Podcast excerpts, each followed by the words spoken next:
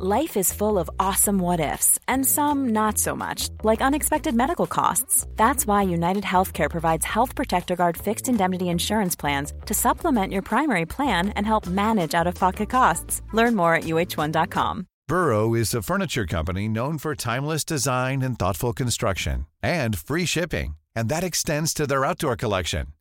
Their outdoor furniture is built to withstand the elements, featuring rust-proof stainless steel hardware, weather-ready teak, and quick-dry foam cushions.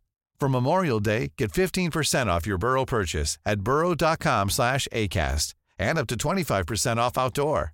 That's up to 25% off outdoor furniture at burrow.com slash ACAST. Planning for your next trip? Elevate your travel style with Quince. Quince has all the jet setting essentials you'll want for your next getaway, like European linen, premium luggage options, buttery soft Italian leather bags, and so much more. And is all priced at 50 to 80% less than similar brands. Plus, Quince only works with factories that use safe and ethical manufacturing practices. Pack your bags with high-quality essentials you'll be wearing for vacations to come with Quince. Go to quince.com/pack for free shipping and 365-day returns.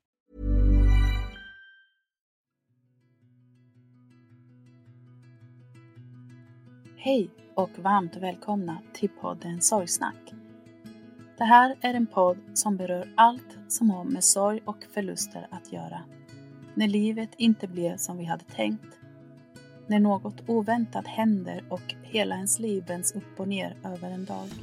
Och när vi tvingas ta farväl av någon vi älskar. Min förhoppning är att genom podden bidra till att hjälpa andra människor, utbilda och sprida kunskap.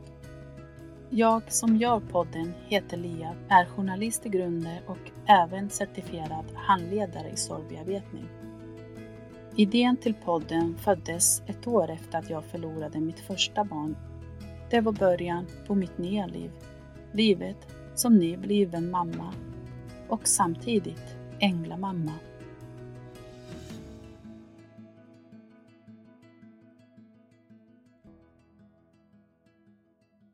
Välkommen tillbaka! Och välkommen säger vi också till juni månad som är här nu. Och det här är en väldigt speciell månad av olika anledningar. Nu under juni månad kommer jag att dedikera samtliga avsnitt till att lyfta och belysa sorg ur det manliga perspektivet. Och det här kan man säga är som en hyllning till min son Alexis som nu i juni närmare bestämt den 21 juni, skulle ha fyllt hela fem år. Och det här känns så viktigt för mig, för jag lever ju själv med pappan till mina barn och har sett på väldigt nära håll hur vår sorgbearbetning och process skiljer sig och har i princip gjort det från början. Men jag är även fullt medveten om att alla, oavsett kön eller identitet, behöver få sörja precis som man vill. Men jag tycker att det är viktigt att ha förståelse för att det är så och inte minst sprida kunskap om det. Så kommande fem avsnitt som släpps då varje fredag kommer att innehålla inslag av ehm, såväl som eh, någon som har själv upplevt sorg på väldigt nära håll, som en pappa och Även någon som har tyvärr blivit utsatt för mobbning under en väldigt lång tid under uppväxten. Och eh, han kommer då berätta hur det har format honom och vad det har gjort med honom och hur hans liv ser ut idag.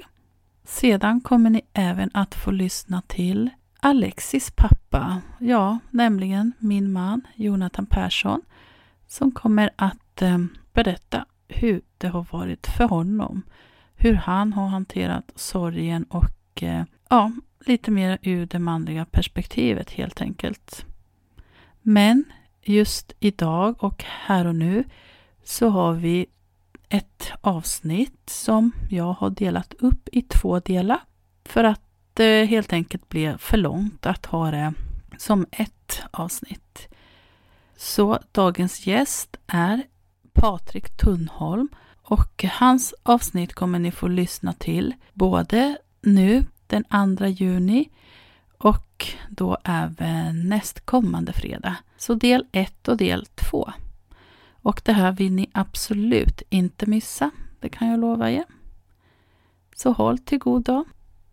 Och eh, med det sagt så vill jag även slå ett slag för hela podden. Det här är ju något som jag eh, gör helt ideellt vid sidan av mitt jobb och på min fritid. Oftast helger och kvällar också. Så nu har jag faktiskt startat ett eh, Patreon-konto som jag kommer att sprida och där du som lyssnar har möjlighet att eh, gå in och om du tycker att mitt arbete är viktigt och och eh, vill stötta mig så att jag ska kunna fortsätta med det här. För det här är ju som sagt ingenting jag eh, får in några pengar ifrån men det vore ju ändå fint att eh, få den möjligheten för att jag ska kunna fortsätta med mitt arbete och bjuda in ännu fler gäster.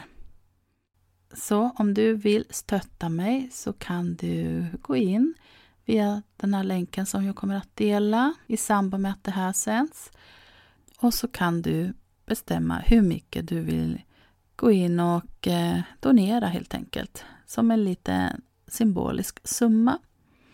Och det oavsett om du väljer att göra det eller inte så är jag oerhört tacksam för att du lyssnar och ännu mer tacksam om du även vill hjälpa mig att sprida podden och dela den, dina kanaler, så att fler får möjlighet att lyssna och även ja, ta del av allt som har publicerats hittills och alla fantastiska människor som har varit med i podden.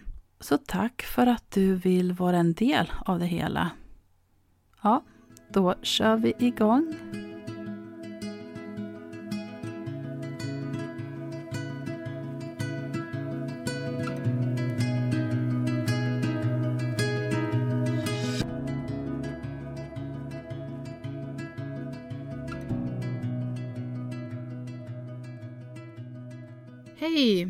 Varmt välkomna till podden Sorgsnack.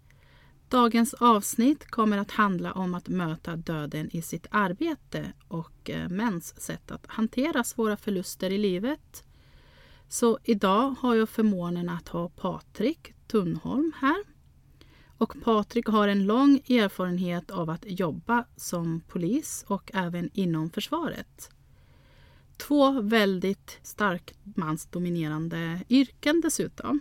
Varmt välkommen till podden Patrik. Tack så mycket. Du får jättegärna börja med att berätta lite kort om vem du är och vad du gör. Mm.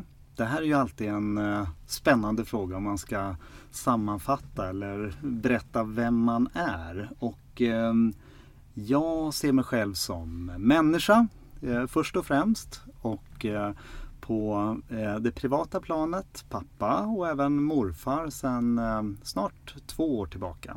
Det är den biten. Sen finns det ju det här yrkesmässiga som jag tänker att eh, det blir mångt och mycket det vi kommer gå in på eh, i samtalet här idag. Och eh, där har jag en ganska så brokig yrkesbakgrund i att jag har, jag har arbetat i eh, i Försvarsmakten i två omgångar. Jag jobbar där idag men eh, jag var inne redan på 90-talet och jobbade då som yrkesofficer och utbildade värnpliktiga.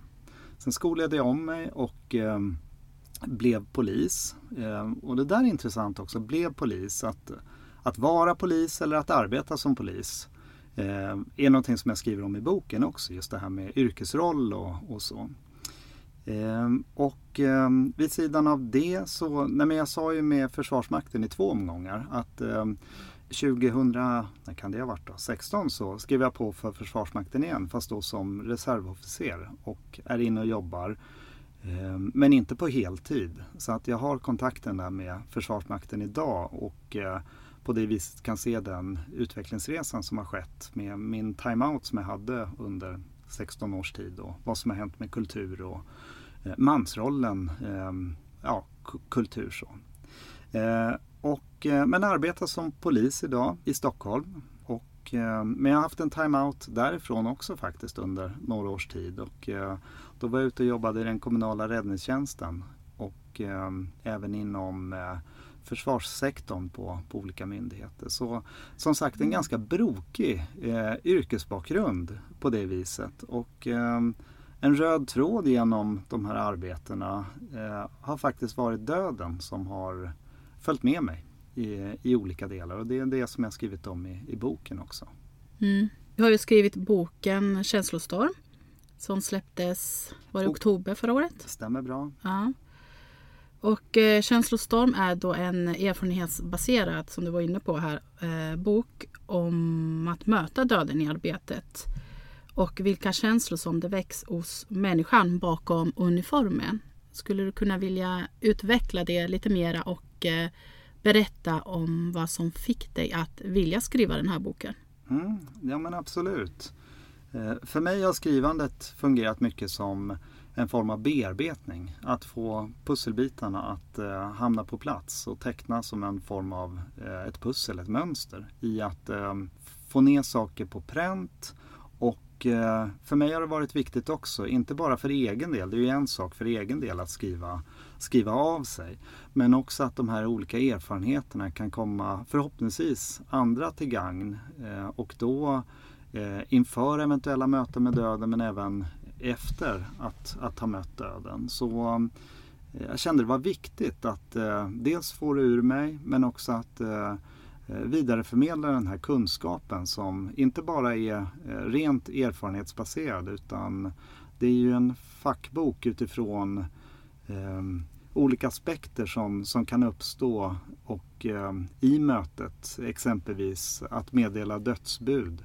Eh, vad innebär det dels för eh, människan bakom uniformen, eh, polismannen då i, i mitt fall, att eh, åka hem och eh, knacka, knacka på den här dörren eh, till en familj som är eh, helt ovetande om att eh, någonting har hänt och sen står där med makten att eh, informera men samtidigt den maktlösheten som uppstår i att när informationen väl är lämnad att eh, eh, vilja ta emot den här personen som eh, kan tänkas falla rent känslomässigt eh, i, den, i den stunden. Och, eh, och där utifrån de här mänskliga reaktionerna som, som kan uppstå att eh, jag, jag ville vidare förmedla det på ett mer generellt plan och hur det kan se ut. Så det är ett exempel men det finns fler i boken om arbetsplatsolycka.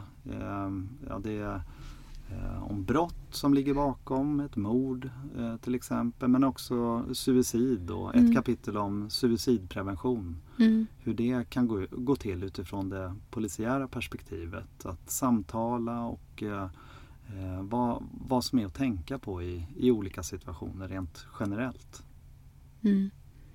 Ja, för du inleder boken med en väldigt stark händelse just när det kommer till självmord. Och det, det, här var ju också väldigt tidigt i din yrkesroll inom försvaret. Mm. Hur har det påverkat dig? Det har påverkat mig väldigt mycket den händelsen som, eh, Ehm, som ägde rum där. Och eh, den kom till att påverka mig att eh, faktiskt så småningom stanna upp och ehm, fundera över, är det här den människan som, som jag vill vara i den gröna uniformen som, som var fallet där i, ja, på 90-talet. Och eh, eh, så småningom fick mig också, det var, det var en del i att jag, eh, att jag bytte yrke. Att jag lämnade den, eh, Eh, den branschen, den militära branschen och den kulturen bakom mig som, som var eh, där och då. Och den här händelsen är ja, den var speciell så tillvida att eh, den berörde mig väldigt starkt eh, genom att eh, jag jobbade då på ett militärt förband och utbildade värnpliktiga var, var uppgiften. Det här dygnet som när det här hände, självmordet, så var jag kvar på, på förbandet och gick någonting som kallas för insatschef. Att jag hade en beredskap dygnet runt och eh, men mina soldater de hade varit ute på en fältövning och eh, kom tillbaka. Det här var en torsdag. Eh, kom tillbaka trötta och det var, de hade varit ute på den här övningen i några veckor. Eh, och jag minns att eh, jag pratade med flera av dem där ute på kaserngården och eh, eh, med den auktoritära rollen som vi befäl då hade i förhållande till soldaterna. Och någonting jag kan se har ändrats väldigt mycket utifrån hur, hur fallet ser ut idag i Försvarsmakten.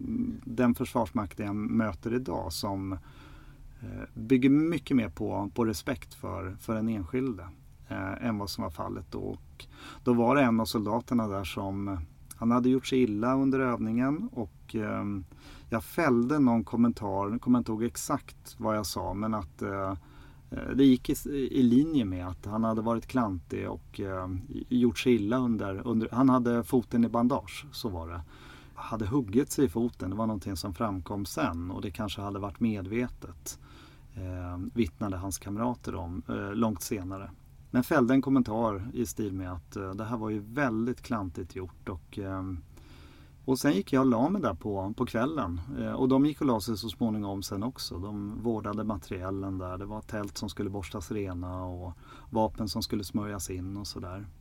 Men jag gick och la mig och eh, tidigt morgonen därpå på fredagen så knackade det på, på dörren till den befälskasernen där jag ligger, ligger och sover i väntan på att det ska ja, men kanske komma något larm. Och I det här fallet ett larm som jag inte var förberedd på utan det var andra typer av larm som eh, inbrottslarm och liknande.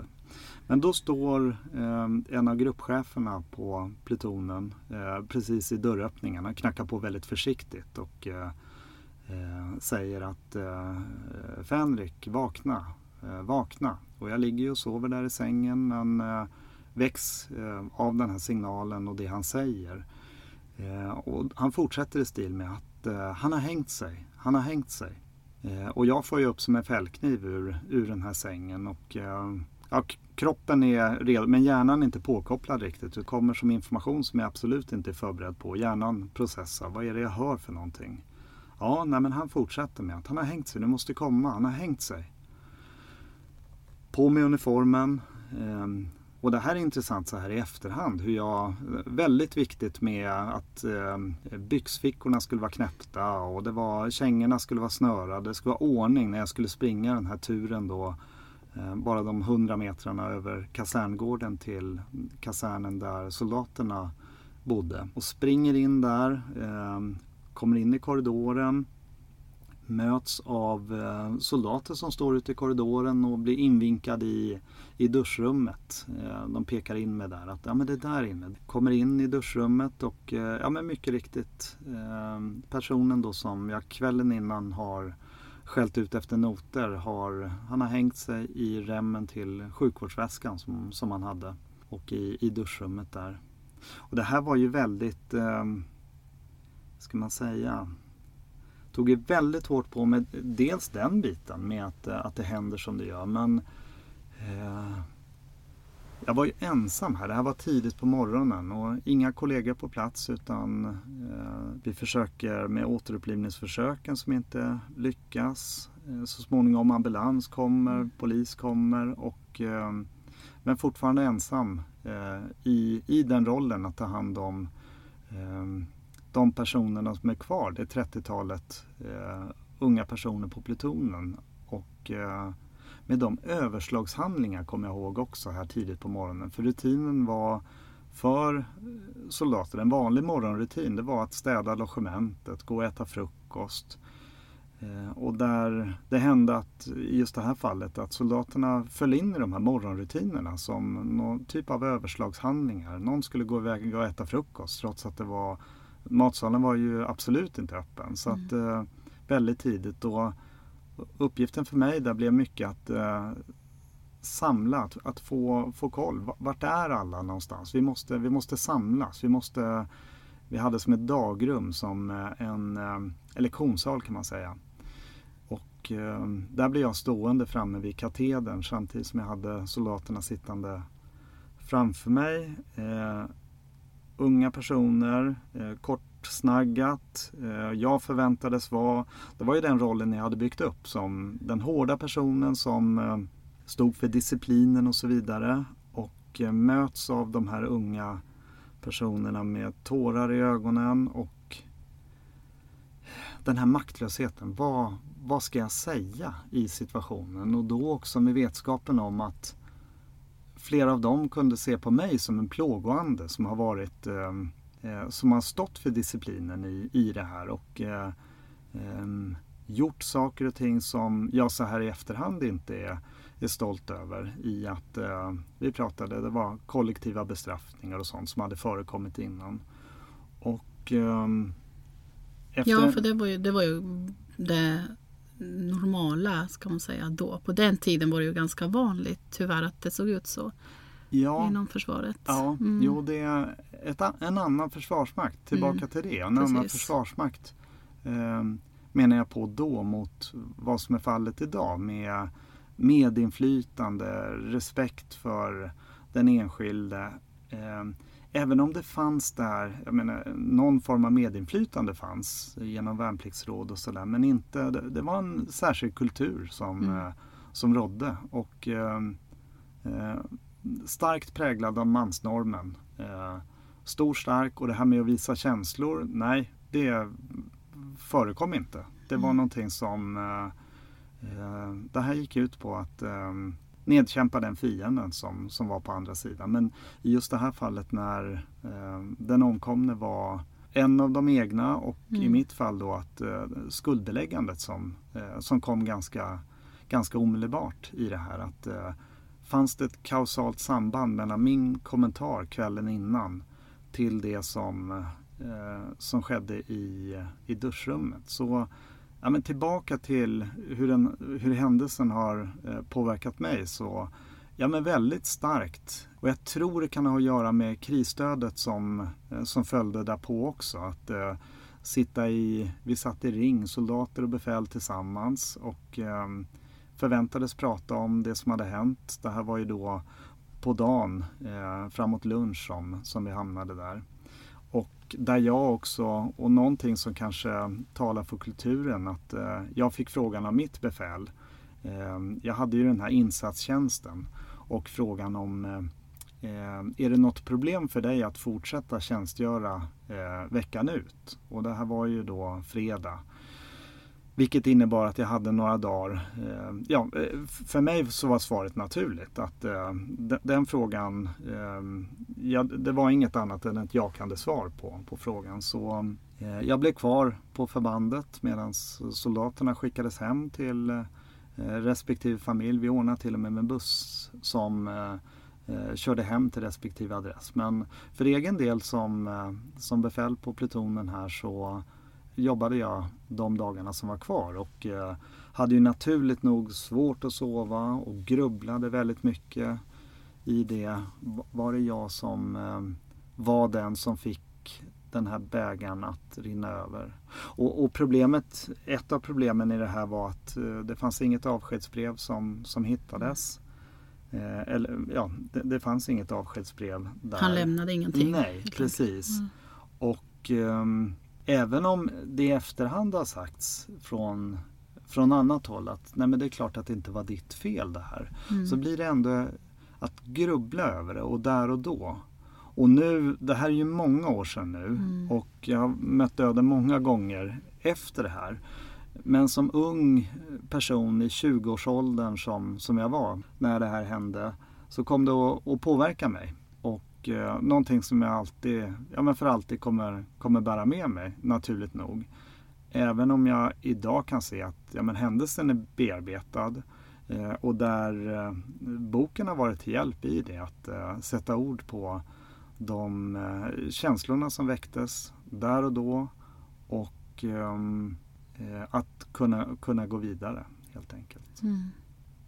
Ja, du, du var ju ung och det här handlade också om andra unga personer i gruppen, mm. i plutonen. Och, eh, men du nämnde ju att eh, många av dem stod med tårar i ögonen. Hur var det för dig att hantera det? Alltså, gjorde ni det tillsammans eller fick du stöd utifrån? Eller var du tvungen att stå där och eh, mitt i din, din egen sorg och tankar och så även behöva möta övriga soldaterna, de som fanns kvar.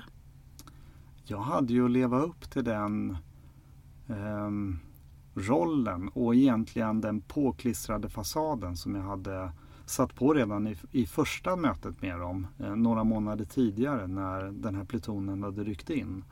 Och eh, för mig uppstod en form av ambivalens i att eh, det hände saker i kroppen som jag inte riktigt eh, förstod där och då. Och det jag kunde och det jag visste, det var att vara den här eh, hårda personen med sammanbiten min, armarna i kors och eh, att stå där. Eh, jag insåg att det här, det går inte eh, på det viset att ehm, ja, fortsätta. Ehm, men samtidigt så hade jag ingen annan, jag, jag hade eh, repertoaren med roller, den, den, fanns inte där, något, något övrigt riktigt att ta, att ta fram vilket gjorde mig eh, otroligt liten och osäker. Och jag vågar påstå så här i efterhand att jag var en osäker person i den åldern och eh, med den här situationen så blev det ännu mer osäkert. För att den här världen gick att kontrollera. Eh, inramad i rutiner och så vidare. Och nu den här morgonen så bara allt raserades och med soldaternas tårar dessutom. Att eh, det blev så påtagligt i att eh, och svårigheten som uppstod vilket gjorde att eh, jag stod där framme. Jag minns det som vid katedern och blickar ut över 30-talet unga personer som eh, flera av dem, precis som ja, men vi pratade om här med tårarna i ögonen och var alldeles ensam. Just det, den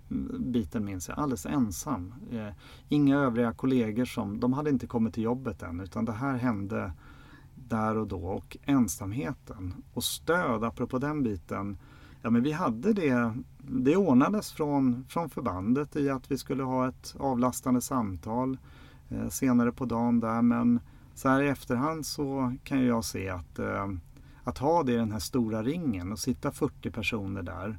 Och var och en ska eh, komma till tals och där det redan från början fanns en typ av, ja men hierarkin fanns där i att eh, vi hade soldaterna och sen så, så var det jag då som, som befäl som eh, spe, spelade en roll i det och, och eh, vilket gjorde att det var det stödet som blev där och då och inte något individuellt samtalsstöd eller liknande och inte någon, någon fråga runt omkring det heller. Och jag tänker så här i efterhand om det hade att göra med kanske den tidsandan att eh, här pratar vi 90-talet och eh, militärt. Ja, men man började skicka iväg folk ner till eh, Balkanländerna, Bosnien, missionerna så. Och eh, det fanns för, rent generellt mer att önska av krisstöd och, och sådana saker. Eh, även i samband med de missionerna. Och eh, här när det hände på hemmaplan så jag tror förbandet gjorde nog sitt utifrån vad man trodde och visste eh, att, eh, hur det skulle gå till det här. Men eh, för mig var det inte tillräckligt. Och jag tänker så här i efterhand att det hade nog mycket med kulturen att göra också. Att visa sig sårbar. Ehm, som inte var en del av den här militära officersrollen. Och nu ska jag inte tala för, för andra utan men, men för mig så låg det inte i, i, i naturen utan jag gjorde som mina befäl hade gjort eh, mot mig eller uppfört sig mot mig. Och kanske i det här fallet eh, eh, jag la på lite extra. Att, det, att vara lite extra hård och, och så. Och, ehm, så att människan Patrik där, eh, ja, det var en annan. Och, vilket är intressant så här i efterhand. att eh, nu, nu, har det gått många år som sagt sedan, sen den här händelsen. Men att ehm, eh, mångt och mycket en annan person där och då. Och eh, en person som, när jag ser tillbaka på den här eh, unga mannen Patrik, inte, det är ingen stolthet som kommer till mig. Ehm, och då givet ja, men dels det som hände men också kulturen som jag upplevde den med sexistiska skämt och eh, vi utbildade, eh, ja, människor visserligen men delar av eh, delar i ett maskineri som skulle fungera väloljat som, eh, för att möta en fiende, en angripare. Och då, att prata om döden fanns inte med, eh, vad jag kan minnas i utbildningen överhuvudtaget. Vilket är väldigt intressant sett till mm. det jobbet och att det ytterst handlar om att eh, med tanke på risken som ändå finns ja, i och med det jobbet. Verkligen, ja. verkligen. Och även idag, eh, för, det är en annan del i, eh, ja men som jag säger, jag har ju sett Försvarsmakten och fram till, till idag. Eh, jag var på utlandstjänst 2019 nere i Mali. Och, ehm, eh, och det är ett av kapitlen i boken. Det kapitlet ger en mera, ja det blir en mera nutida bild av Försvarsmakten där jag kan se att det har hänt väldigt mycket till, till det bättre rent kulturellt. Med ja, medinflytande, respekt och så vidare som, som jag nämnde. Men en sak som inte fanns med, Eh, som jag kunde sakna och så här i efterhand som jag reflekterar över i boken också, är just den biten med eh, samtal om döden. Eh, samtal om egen död, samtal om att ta någon annans liv inför en sån här insats som sker i ett område där ehm, riskerna är höga och saker och ting kan hända. Vilket förvånade mig i den insatsutbildningen inför Eh, att, att vi åkte iväg. Då var jag nere i, eh, eh, jag satt visserligen i en stab i huvudstaden Bamako men eh, likväl så var det eh, en riskfylld miljö med ja, högkvarteret som, som vi satt i omgärdat av sandsäckar och inför att vi rullade in med våra bilar så användes det speglar för att undersöka underredet på bilarna om det var någon som hade monterat en bomb eller liknande när vi hade varit ute i trafiken. Så eh, döden fanns, eller riskerna fanns där hela tiden. Eh, och eh, jag tänker så här i efterhand att eh, varför behandlades det inte i själva insatsutbildningen. Nu var det inte, den, den, var inte särskilt lång innan det att jag åkte iväg. Det var tre veckor.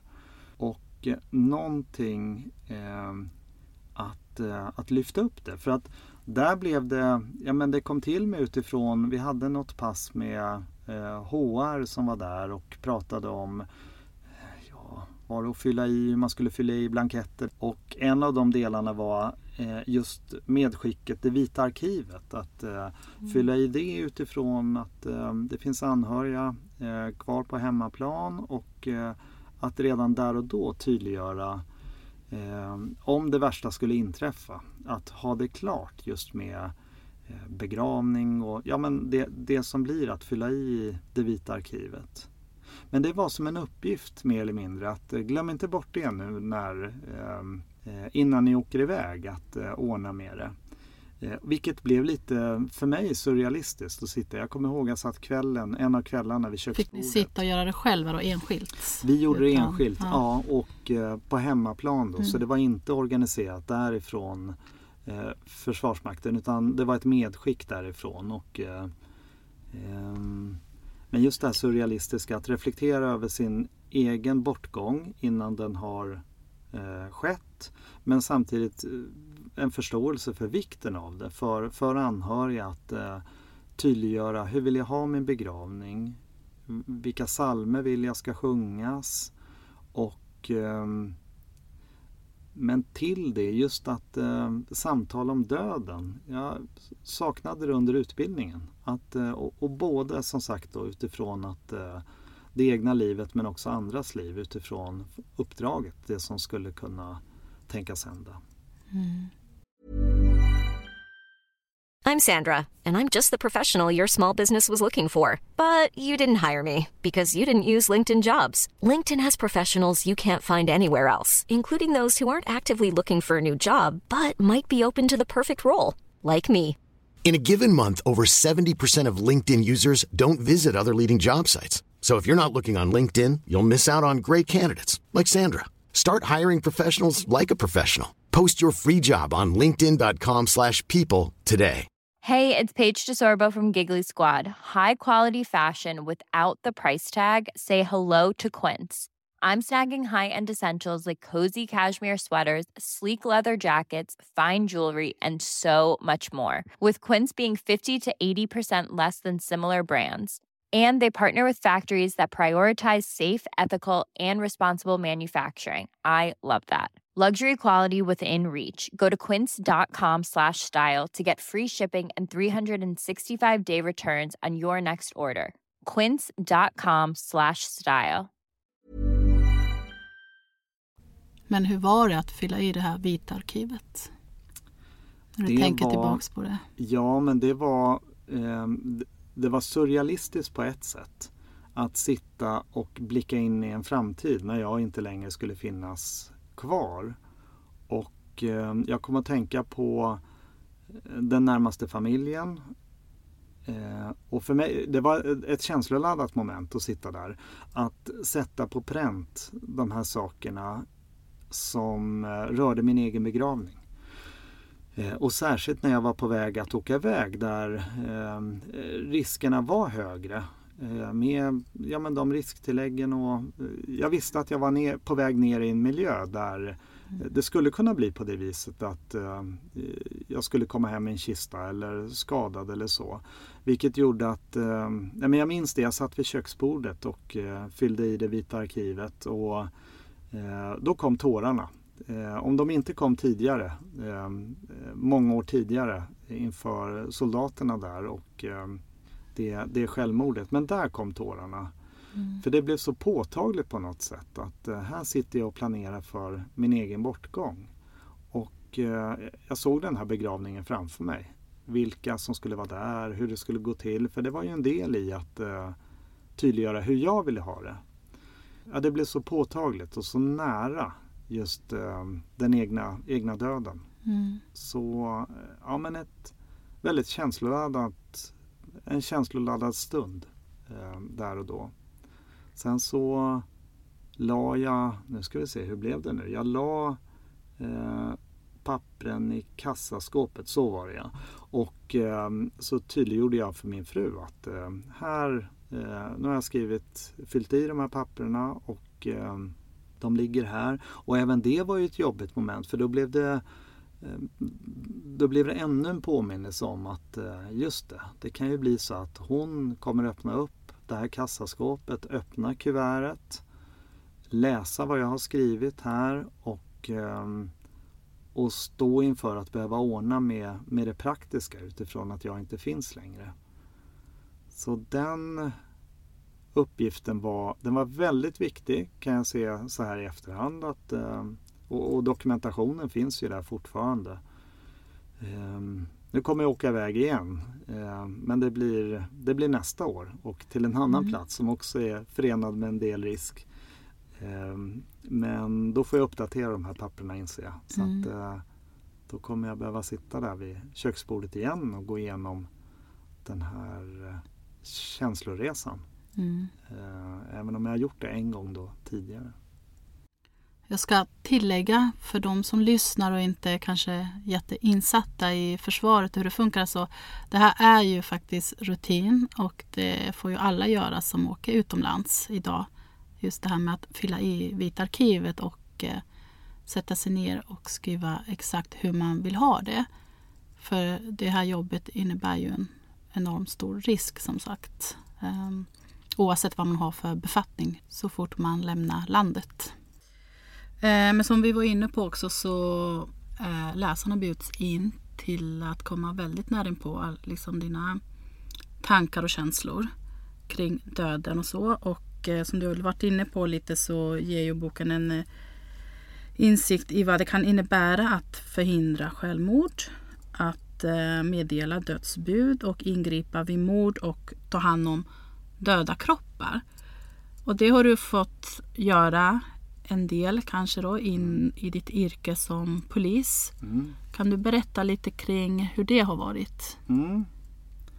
Eh, polisarbetet är mångfacetterat och det innehåller allt ifrån att möta medborgare ute i en trafikkontroll och eh, kontrollera körkort och nykterhet till precis det som, som det är uppe, den typen av händelser. Att eh, eh, åka till en adress där grannarna har hört av sig om att eh, det luktar. Det luktar gamla sopor och eh, att eh, komma till, till en sån här adress och ett av kapitlen i boken handlar om just det, det som polisiärt kallas, kallas för lägenhetsundersökning. Och det är då att eh, de anhöriga inte har hört av den här personen eh, under en tid och man är orolig för att det har hänt någonting. Och eh, det här är ju en av de uppgifterna som, som faller på polisen att eh, åka ut och eh, undersöka hur det är ställt. Det kan ju vara på det viset att eh, personen har rest bort och inte meddelat eller någonting annat. Men om det finns sådana omständigheter som om man eh, tittar i brevlådan om det är på det viset att man kan titta ner där, att det, det ligger mycket post där och samtidigt i kombination med en eh, stark lukt eller då, ja, lukt som den av, om du tänker gamla sopor som har lämnats ut sommartid, mm. 30 grader varmt och eh, det är varannan veckas tömning på den här tunnan och kanske har grillat mycket, att det är gamla köttbitar som, som ligger där i. Eh, den typen av stank får man väl säga eh, som, som, kan möta en. Och ett av kapitlen handlar om ett ärende där den personen som vi eh, mötte eh, avliden hade legat i tre veckor i sommarvärme. Och det, också det surrealistiska, att möta det här, hur ska man säga, eh, en kropp som visserligen är, ja det är uppenbart att personen i fråga är avliden men mm. samtidigt så kroppen som fullkomligen kokar av liv, insektsliv som, som finns där. Av eh, flugor som lägger ägg, eh, äggen som blir till larver, som förpuppas, som blir till nya flugor. Och, eh, mm. som I grund och botten så handlar det om na, det, naturliga processer, en biologisk nedbrytning som, som sker av, av kroppen. Men där mötet med döda kroppar på, på det här viset kan eh, eh, få en att verkligen rygga tillbaka när det kommer till att eh, det är på det viset att det är den här kombinationen av synintryck och lukten, stanken med eh, och också ha en uppgift att lösa. Det är väl det som eh, det är inte att kunna vända i dörren och sen säga nej men det här är ingenting för, för mig eller för oss nej. utan det är fortfarande att det finns en uppgift där att lösa. En uppgift att göra det med värdighet mm. eh, i, den, i den stunden och eh, lösa uppgiften utifrån att dels då konstatera är den här personen verkligen avliden? Eh, och, och, är det på det viset att det finns vissa tillfällen där eh, polisen själv får eh, fatta den typen av beslut medan det finns andra situationer när det krävs en läkare som måste komma för att eh, konstatera dödsfallet. Mm. Och eh, sköta det vi kallar för avvisitering, de smyckena som sitter eh, på personen. att eh, ehm, ta bort dem för att eh, det ska följa med separat och kunna lämnas över till, till anhöriga och särskilt om det är en eh, kropp som i det här fallet som jag tänker på som har legat väldigt länge som är uppsvälld och eh, det är vätskefyllda blåsor som vid minsta rörelse eh, spricker och mm. den här stanken då eh, pyser ut och tror jag skriver någonting i boken om att eh, jag försöker fånga det utifrån att eh, Eh, om, man, om, du tänker eh, havregrynsgröt som, som står på spisen och sen så eh, när värmen kommer där så är den här hinnan som lyfter och det pyser ut. Puff, mm. så.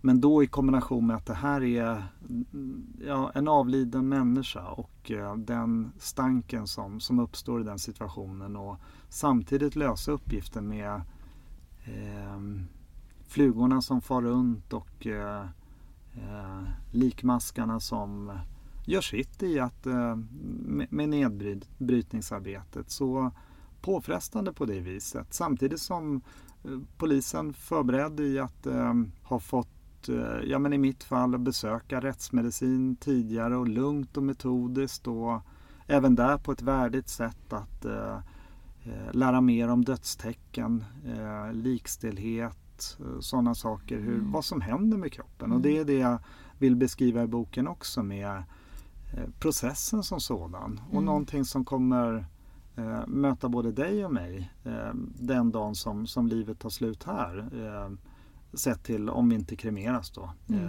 givetvis. Men att det är någonting som naturens gång, att det, det är så det ser ut. Och jag tänker det, det är sällan vi pratar om just sådana saker och eh, kanske finns en anledning till att vi inte gör det just om, om det. Att det är någonting som vi vill hålla ifrån oss. Och eh, där kan jag väl säga också till läsarna av boken att kapitel 5, om man tycker att sånt här är, nej, det är inget för mig, då, kan man, då bläddrar man förbi det. Ja, det är väldigt eh, målande kan jag säga. Mm. det är det absolut, så det har du lyckats med. Så. Um, Tack. Och eh, jag, jag hade inga problem med att, nu har jag lyssnat igenom boken, men jag hade inga problem så att lyssna igenom kapitel 5. Men det var otroligt målande ändå. Så, och samtidigt så kände jag att det, att det faktiskt är bra att man vågar lyfta det och gå in på sådana detaljer, detaljnivå. Mm. Just för att du säger att det är inte så ofta kanske man är liksom i det liksom, och vågar liksom djupdyka och verkligen säga saker för vad de är och ta upp liksom exakt vad som händer mm. steg för steg och sådär och hur det går till, själva processen. Mm. Och det kanske är väl lite så att ja, men det kan vara lite skrämmande och lite sånt som man vill helst hålla sig ifrån. Mm. För att det är för jobbigt att tänka på. Mm. Men eh, du var ju inne på att ni får ju utbildning i det. Mm. Eh, ja, en del utbildning i alla fall kan man väl säga. Ja. För går det egentligen att eh, förbereda sig inför det? Framförallt tänker jag så första gången man är med om det och möts av det här. Mm. Skulle du kunna säga att du kände att du var förberedd för det ögonblicket? Jag skulle säga att när det gäller den biten med en förruttnad kropp och det mötet så var jag nog, vågar jag påstå, bättre förberedd på det genom besök på, på rättsmedicin och eh, de sakerna. Någonting som jag var sämre förberedd på och som är mycket svårare att öva på, tänker jag också det är meddelandet av, av dödsbud. Och mm. eh, ja, då bläddrar vi fram. Då är vi framme vid är det kapitel 7 tror jag. Mm. Ja, mm. någonstans där. Som eh, att närma sig den situationen som visserligen kan se väldigt olika ut rent mm. reaktionsmässigt hos den som tar emot eh, dödsbudet.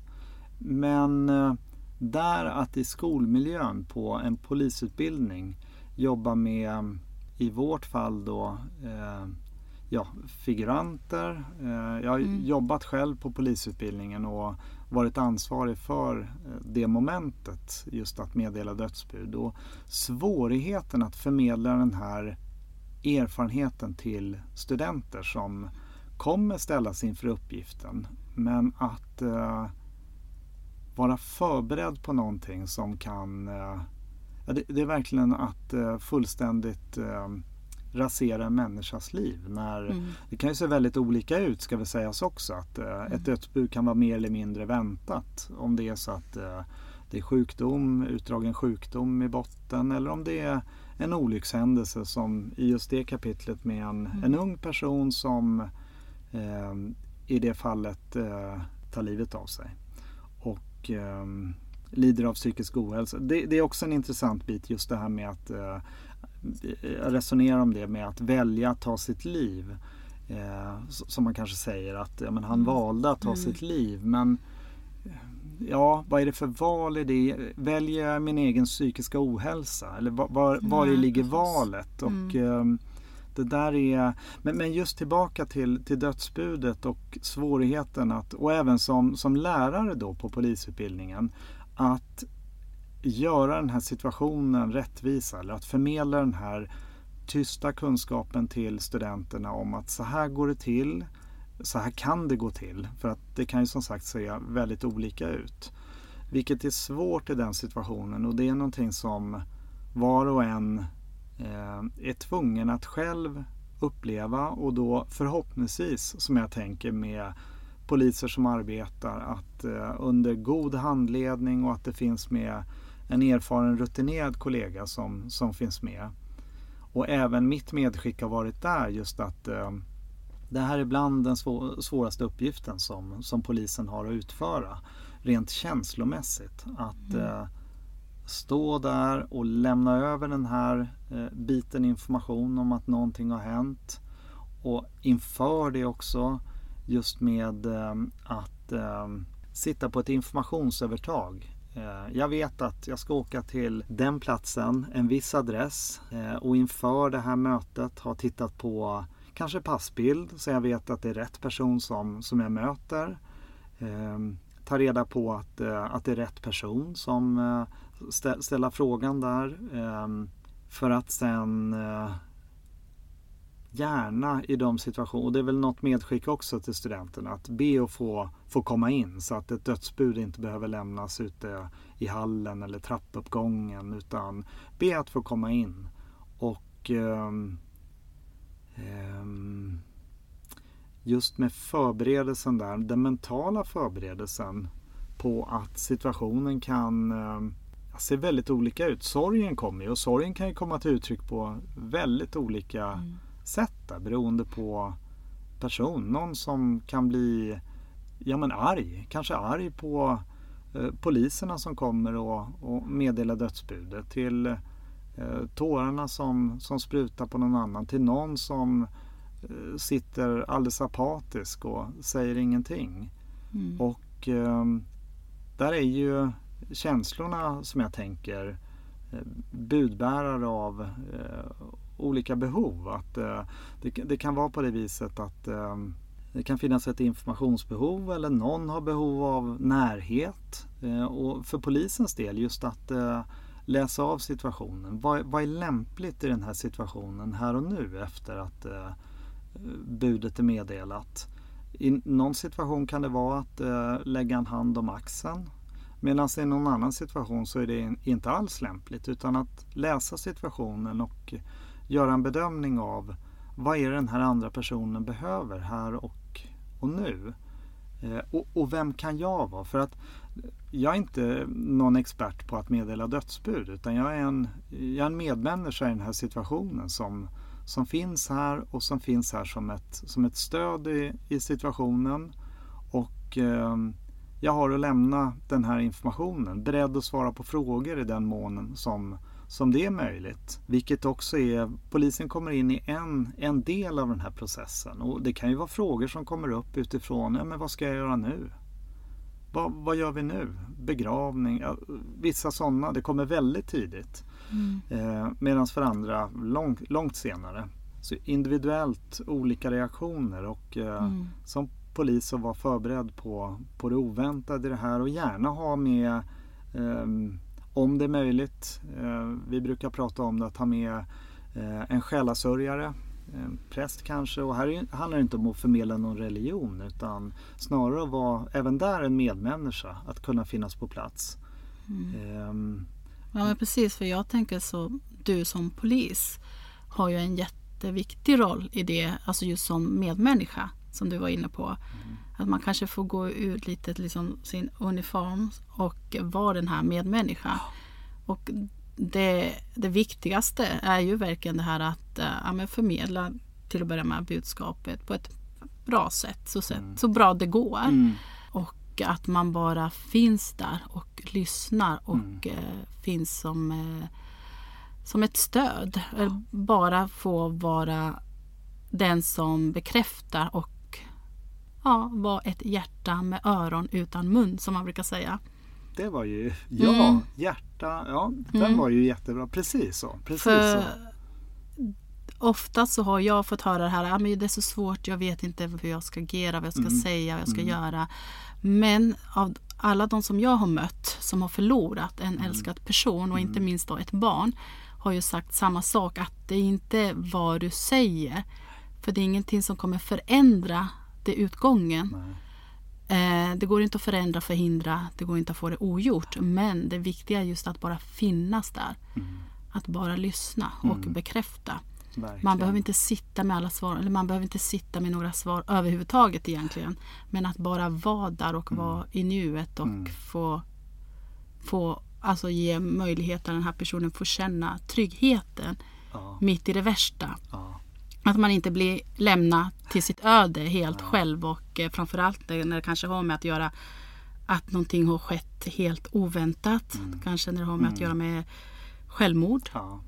För att då, ja, inte minst då kan jag tänka mig att det, det är många frågor som florerar och man behöver Mm. bara få vara där i stunden också. Eh, Och det får ta den tiden ja, det tar. precis. Just det här om det Verkligen. behöver. Att, mm. nej, att inte ha bråttom utan det här får ta den tiden det tar.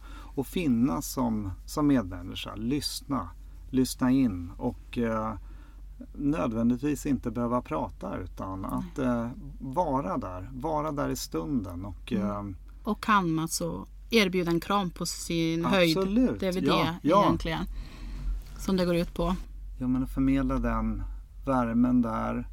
Och, och då tänker jag också som du nämnde just att eh, med, med uniform. Det är någonting som också är för polisens del att fundera över. Det finns inget facit i om det är på det viset att man ska åka dit i sin uniform eller om man åker dit civilklädd. Utan jag brukar säga det beroende på eh, ja, men vad är du mest bekväm i i den här situationen. Att, Mm. Så där e- får ni välja själva då. Ja, Mm, så för egen del bra. så ja, men då är det civila kläder.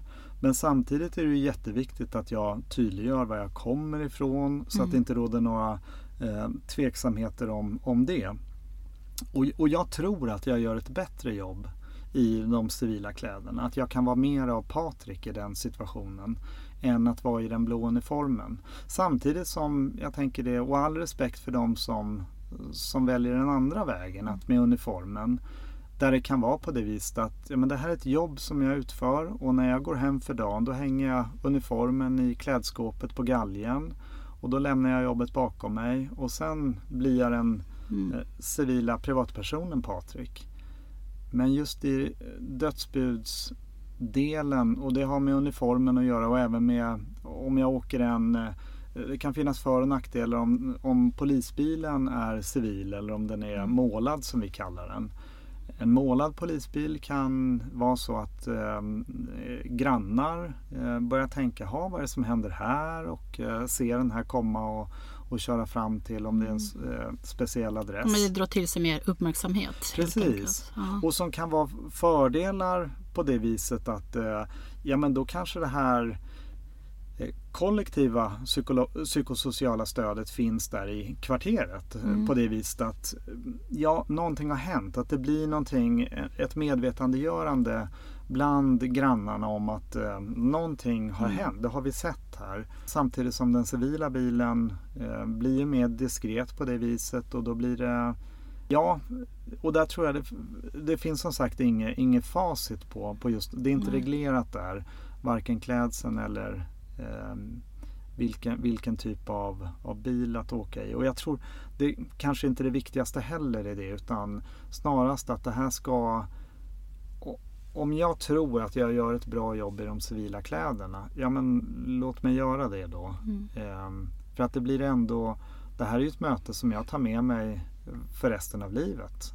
Ehm, det, är inte, det är inget dussinärende som att det är en eh, ehm, snattare på i, i en butik eller liknande utan det här är så otroligt känsloladdat i den stunden som, som är där och då. Och eh, någonting som jag tar med mig för resten av livet som eh, yrkespersonen som åker dit och inte minst då som i det här fallet familjen eh, som kommer bära med sig det här för, för resten av livet i ännu större utsträckning än eh, för, för egen del. Och eh, jag tänker på det också, hur skulle jag själv velat ha det? För att det här blir ju reflektera och tänka så också just med om jag hade fått budet så Ja, hur hade jag velat ha det?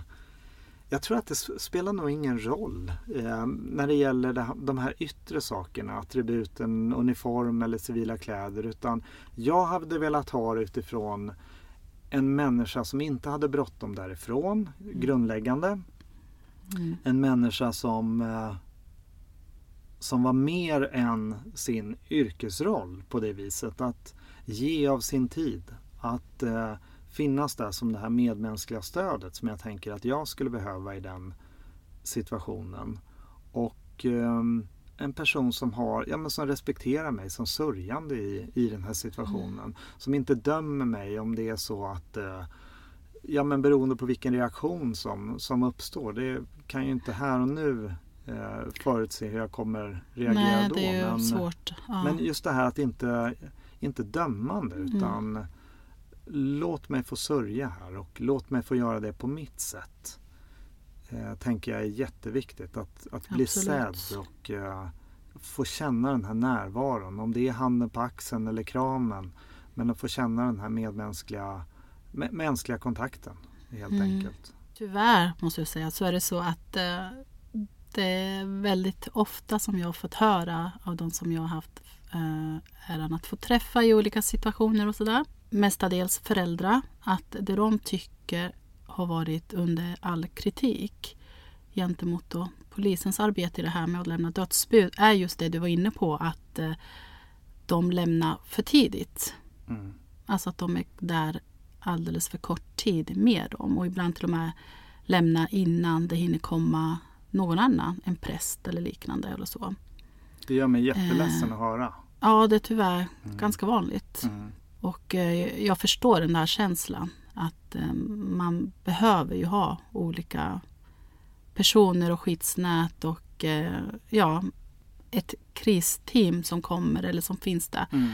Som om det är så för jag tror nog de flesta också förstår, polisen har ju så många andra uppgifter mm. än att bara lämna dödsbud mm. och eh, kommer ju aldrig liksom räcka till för att kunna täcka upp allt. Men att det då skulle vara så att eh, ja, men de lämnar över det till någon annan. Mm. Så att man aldrig blir mm. lämnad ensam, ensam. i sitt Nej. hem utan att det Nej.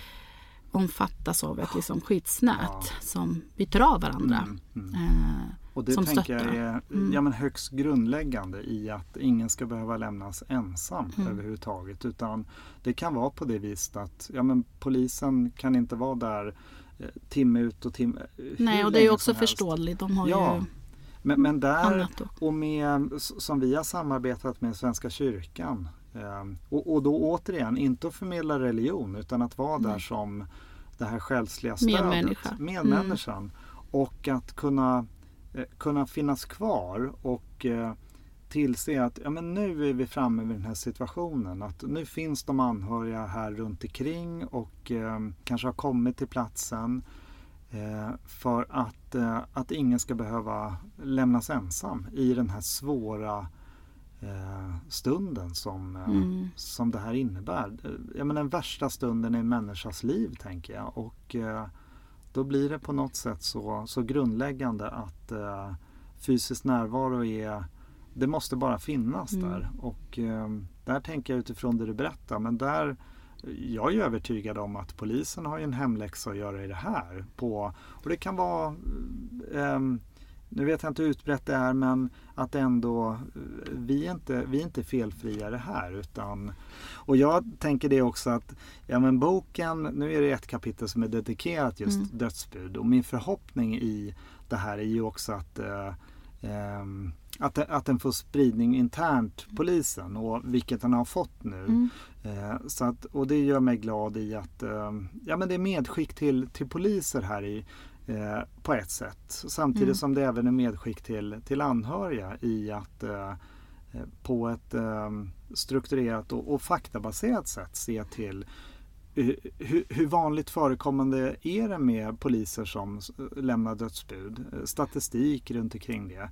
Vad är mm. att förhålla sig till och eh, hur, ser, hur ser rutinerna ut? Att förhoppningsvis kunna få en bättre förståelse där i, i, i de delarna. Både internt poliser och eh, även eh, externt, ja men mm, läsare. Mm, att det, det är ett kapitel om, mm. om det. Så, ja. ja, jag kan ju tänka mig som du har varit inne på att det är nog det svåraste som finns att göra som polis.